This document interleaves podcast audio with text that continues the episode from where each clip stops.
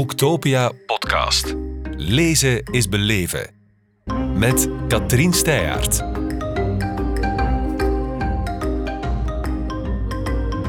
En met Theo Kompernolle. Welkom in Kortrijk op Boektopia. Goeiedag. Goedendag. U bent uh, neuropsychiater en u hebt een boek geschreven, Ontketen het brein van je kind, uitgegeven bij Lano. Is dit een soort verzoeknummer? Want ik lees dat het er is gekomen voornamelijk op vraag van ouders, mensen die met kinderen bezig zijn. Ja, dat is zo. Ik had een boek geschreven dat heet uh, Ontketen je brein. Mm -hmm. En voor volwassenen, hoe ze met, op een goede manier uh, efficiënter, beter, gezonder met technologie kunnen omgaan. Prachtige technologie die we verkeerd gebruiken. En dan kwam de vraag, iedere keer eh, ongeveer elke workshop of presentatie die, die ik gaf, maar hoe moet ik dat doen met mijn kind? Prangend probleem voor veel mensen, denk ik. Het is een heel prangend probleem voor die ouders, maar het is ook een probleem voor de kinderen, omdat de, het is vooral een probleem van aandacht. En dan is het niet zo dramatisch zoals sommige, een Duits collega bijvoorbeeld beweerde, dat dan door het verkeerd gebruiken van een telefoontje dat er iets kapot gaat met dat brein of misgaat met dat brein. Dus die aandacht die is in aanleg, is daar. Maar het probleem is het volhouden van de aandacht. Mm. Om het beste uit ons brein te halen, moeten we in staat zijn tot volgehouden, ononderbroken, doelgerichte aandacht. Ja, u, u verbeeldt het ook in het boek heel treffend, zo'n brein in allemaal puzzel, losse puzzelstukjes. En wat we eigenlijk moeten naar streven is een brein als een geheel. Ja, dat al die onderdelen, die pracht. Hè, want het brein is een prachtig instrument. Ja. En het is bij volwassenen, die kennen eigenlijk de gebruiksaanwijzing van een brein niet. Die weten niets over het brein. Zoals ik werk met leidinggevenden van bedrijven waar 30, 40, 50.000 mensen werken over de hele wereld. En die topmensen weten niets, maar ook niets over hun brein. Je weet eigenlijk niks over hun eigen computer, zou je kunnen zeggen. Maar het is meer dan dat. Het is meer dan een computer. Het is het belangrijkste middel dat ze hebben om intellectueel productief te zijn, maar ook om gelukkig te zijn, om gezond te zijn enzovoort. En dat geldt voor die kinderen ook. Mm -hmm. Dus, Eigenlijk en, laat je ongelooflijk veel liggen als je het niet goed gebruikt. Absoluut. Ja. En dat was eigenlijk de grote desillusie van dat eerste boek dat ik over het thema schreef. Want ik dacht zelf een tijdje, ja, dat is eigenlijk dat continu met schermpjes bezig zijn en multitasken. Dat is vooral een probleem van volwassenen of van de oude knarren zoals ik zelf. Uh, want die kinderen zullen dat wel leren. Die zijn al van in de wieg bezig met die... Digital natives, zo ja, van digital die... natives, dat is de mm. hoop voor de toekomst. Maar de grote desillusie van mijn onderzoek, in die zes jaar dat ik daarmee bezig geweest ben, was om te ontdekken dat dat niet zo is. Kinderen worden niet, allemaal een hele kleine minderheid, maar kinderen worden niet uit zichzelf digitaal vaardig. En je moet digitaal vrij zijn om digitaal vaardig te kunnen worden. En digitaal vrij, vrij betekent niet dat je niet technologie gebruikt. Want de technologie is fantastisch. Ja. Digitale vrijheid betekent dat je de meester bent van je technologie. Dat ik bepaal waarvoor, waartoe, maar welk doel, wanneer en hoe lang. Mm -hmm. En niet de algoritmes van de antisociale media die er alleen maar op uit zijn om je aandacht continu vast te houden. En te versnipperen. Ja. En daardoor krijg je zo'n brochelbrein. Ja. Natuurlijk, dat is een vaststelling waar we op zich niet gelukkig van worden, maar het goede nieuws in uw boek is, eigenlijk is het vrij eenvoudig. Dus het praktisch advies is vrij eenvoudig, maar het is niet zo gemakkelijk toe te passen. Ja, je, je maakt er wel een heel belangrijk onderscheid. Het is heel veel werk geweest om die wetenschap over het brein op een eenvoudige manier ja. uitgelegd te krijgen. Maar uiteindelijk is dat gelukt. Maar eenvoudig betekent niet gemakkelijk. Nee. Eh, complex is altijd moeilijk. Mm -hmm. En dus wat er gebeurt is dat iets heel complex wordt eenvoudig, dat je snapt waar het over gaat. Maar het wordt pas gemakkelijk nadat je het gedaan hebt, geoefend hebt, getraind hebt. Mm -hmm. En dan wordt het gemakkelijk.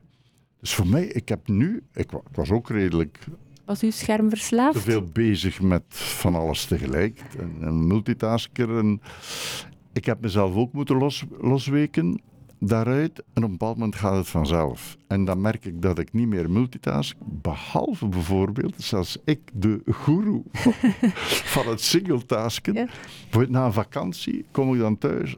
En dan ligt er van alles. En dan ben ik een beetje bezig met dit en met dat en met nog wat anders. En dan moet ik mezelf tot de orde roepen en zeggen: hé hey manneke, zijn weer Rustig. bezig. Ja. En dan blokken maken. Hè. Want dat is eigenlijk het geheim van ons brein. Dat is blokken maken. En dat je een blok maakt voor al het werk dat aandacht en concentratie vergt. En je door niets of niemand laat storen. En dan al, al die stoorzenders ook in een blok zet. En dan met al die berichtjes en weet ik wat allemaal bezig bent. Maar beperkt in de tijd. En ik bepaal vier keer per dag. Was dat in het begin, maar nu is het maar twee keer per dag meer. Kijk ik naar al die berichtjes, e-mails enzovoort. En daarbuiten niet. Want het gaat niet alleen over huiswerk maken en werken efficiënt doen, maar ook genieten. Een gesprek bijvoorbeeld. Een gesprek waar dat iedereen met zijn telefoontje voor zich ligt. Vreselijk. Dan ben je ook niet helemaal Je doet in... eigenlijk niks meer goed, hè? Nou, Eh, Of, of het risico maar, bestaat maar, maar dat niet, je maar niet volop. niet volop, niet ten volle. Ja, niet volop genieten. Niet vol, hè, want er is zo'n klein onderzoekje dat nog niet herhaald is. Een Nederlands onderzoekje. Er is ongeveer 20% van jongeren onder de 25 gestopt met vrijen als er een berichtje binnenkomt op hun telefoon. Dan, heb, dan is er toch iets mis met de prioriteiten, denk ik. Ja, of gewoon verslaafd. Ja. Natuurlijk, de, de vraag is voor ouders, waarvoor dit boek in de eerste plaats bedoeld is, hoe kunnen ze dat in de praktijk omzetten? Hoe kunnen ze ervoor zorgen dat een kind in dat soort blokken leert leven, leert denken? Ja. Maar ik begin het boek met zevental dingen die ouders kunnen doen. Maar eigenlijk is het toch wel belangrijk dat de ouders eerst zelf orde op zaken stellen in een eigen manier waarmee ze met die prachtige technologie omgaan. En de technologie die is fantastisch als je er goed gebruik van maakt. Ja. Sommige mensen praten dan over technostress bijvoorbeeld, maar ik hou niet van dat woord, want het is niet de technologie die de stress veroorzaakt, maar onze verkeerde manier om ze te gebruiken. En dus één- het allereerste is zelf. Mhm. Practice what you preach. Ja, maar Ja. eerst zelf beginnen met in blokken te leren werken. Mhm. Maar ik heb ook al voorbeelden gehad, naar aanleiding van het boek, van ouders die samen met een adolescent. Maar je mag niet vergeten, 60% van de kinderen maakt zich zorgen over het telefoongebruik van hun ouders. Vond ik ook een zeer opvallend cijfer in uw boek. Ja? Het werkt langs twee kanten. Dus je hebt 60% al van de kinderen die er klaar voor zijn. Ja. En dat was ook in een, een, een tijdje geleden in een, in een, een uitzending voor Nieuwsuur in Nederland, waar ze ook kinderen interviewden. Dat kwam daar ook heel duidelijk eh, uit. Ik weet dat ik er te veel mee bezig ben. Ik wil wel stoppen, maar alleen kan ik het niet. Ja, ik heb hulp nodig. Dus de vraag De vraag is ligt daar. Ja. Dus bij 60% van de kinderen heb je, als je er iets wil doen samen met je kind, heb je al een voet in de deur. En dan is het een kwestie, begrijp ik, van het ook bespreekbaar maken, het vaak onderwerp te maken van gezinsgesprekken, van hen ook aan te moedigen op het, om het op een actieve manier te doen. Ja, Dus ook niet bijvoorbeeld gewoon. Ja. u te laten overspoelen door alle inhoud die er op u afkomt, maar proberen daar bijvoorbeeld zelf iets creatief mee te doen met die inhoud. Dus dat zijn eigenlijk manieren om het toch een beetje meer in uw eigen controle te krijgen. Ja, want het gaat niet alleen over. De vraag die ik krijg van ouders, de allereerste vraag is altijd: hoe, hoe lang is Ja. normaal? Dat, daar kan ik niet op antwoorden. Dat hangt van de leeftijd van het kind af en van een ander aantal factoren. Maar het gaat over wie, welk soort kind, wanneer, waarvoor, met welk doel enzovoort. Ja. Punten die ik ook beschrijf in, in Mhm. het boek. Maar het belangrijke is dan, zowel voor de volwassene als voor het kind, om te starten met de lijst te maken. Wat is voor mij dagelijks, wat zijn de belangrijke dingen die ik eigenlijk volop zou moeten me erin engageren?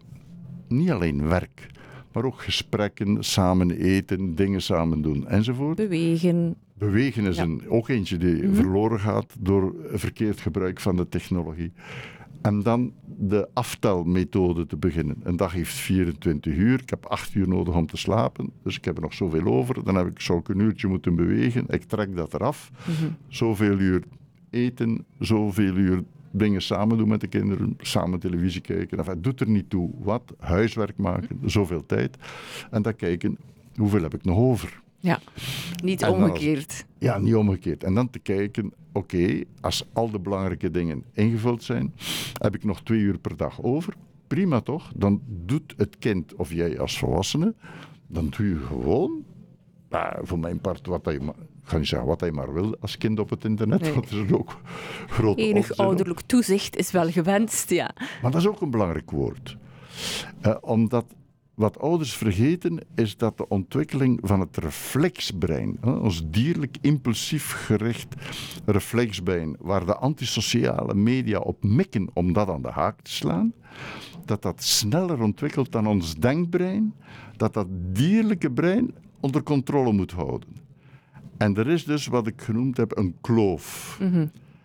En die kunnen kinderen zelf niet invullen. Dus dat is als het ware een kind dat op een paard zit, hè, nooit heeft leren rijden en zich laat meenemen door dat paard. Tenzij in het begin moet je er als bereider bij gaan zitten om dat paard samen onder controle te houden. En stilletjes aan, dat is natuurlijk ook belangrijk, de teugels van het paard door te geven aan het kind, zodat je op een bepaald moment stap. kunt eh, afstappen en dan een beetje van ver in de gaten houden of dat wel goed gaat. Ja. Maar dus die controle, dat toezicht van de ouders is heel belangrijk. Ja. En sommige ouders zeggen te gemakkelijk, ja maar ik vertrouw mijn kind.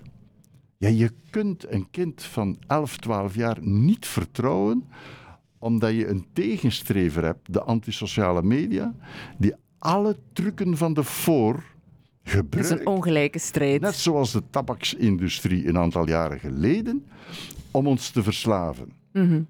En dus je kunt dat kind niet op eigen houtje overlaten aan de antisociale media. Het heeft je hulp nodig. Het heeft de hulp van de school nodig om op een goede manier Mhm. er te leren mee omgaan en de baas te zijn. Ja. En als het de baas is en zelf beslist waarvoor, waartoe, hoe lang, wanneer enzovoort, is het prachtig. Hè? Mhm. Ik zou niet zonder het internet kunnen. Ja, Er is een schat aan kennis. dus ja, eens kijk wat er door. Het, het heeft die, die technologie heeft ons door de COVID-periode gehaald. Heeft die kinderen. Anders zou het niks geweest zijn. Hè? Ja. En dus de technologie op zich is fantastisch. Maar wij moeten er de baas leren van worden. En niet de artificiële intelligentie van de antisociale media. Die alleen maar uit zijn op geld verdienen. En ons zoveel mogelijk aan het scherm gekluisterd Ja, want zij houden. verdienen bij elke klik. Ja. Eh, Google maakt, met YouTube, maakt 1000 dollar per seconde winst. Mhm. 1000 dollar met ons gratis werk. Ja. Want bij elke klik verdienen zij weer wat. Ja. En één klikje is niks. Maar al die klikjes van miljarden mensen, daar verdienen zij miljarden mee. Dat is de enige Mhm. bedoeling. Mhm. Wat de persoonlijke kost, als je kijkt naar de impact op meisjes, eh, is veel erger op de emotionele ontwikkeling eh, van meisjes. De gevolgen. Hè? En ze weten het. Hè, die, die, eh, er is zo'n klokkenluider die naar buiten gebracht heeft, vorige, eigenlijk nog maar jaren geleden, dat eh, ze zeer goed wisten, Facebook, Meta eigenlijk heet het nu, zeer goed wist wat de gevolgen waren, de negatieve gevolgen van gebruik van overgebruik, verkeerd gebruik van Instagram. Hebben niets willen aan doen. Want als ze er iets aan zouden veranderen, zouden ze een beetje minder verdienen. Ja, de macht en dus het als ouders geld. moet je weten dat je daar een fameuze tegenstrever hebt. Dat is de, Maar uw boek kan een wapen zijn in de strijd, denk ik. Eh, en het, het, be- het, hou vast. een houvast. Hou Een wapen is misschien te sterk gesteld, maar goed, een zeer eh, duidelijke en verhelderende houvast, waarvoor dank. En ik ga ervan uit dat het ook eh, kan lukken, want u draagt het op aan uw kleinkinderen, bij wie het precies toch wel Ja. de goede kant op gaat. dus het Met mijn kan. Kleder, eh, op het moment had het, had het eigenlijk wel, Kijk. wel goed op dat gebied. Ja. Maar wat er natuurlijk ook aan mijn dochters en hun partners speelt daar natuurlijk ook een belangrijke rol in. Hè. Die doen het al goed. En voor alle anderen die hulp nodig hebben, is er uw boek. Ja. Heel erg bedankt voor uw komst. Graag gedaan. Boektopia podcast. Lezen is beleven. Beluister ook de andere podcasts live opgenomen op Boektopia 2022. Nu via je favoriete podcast-app.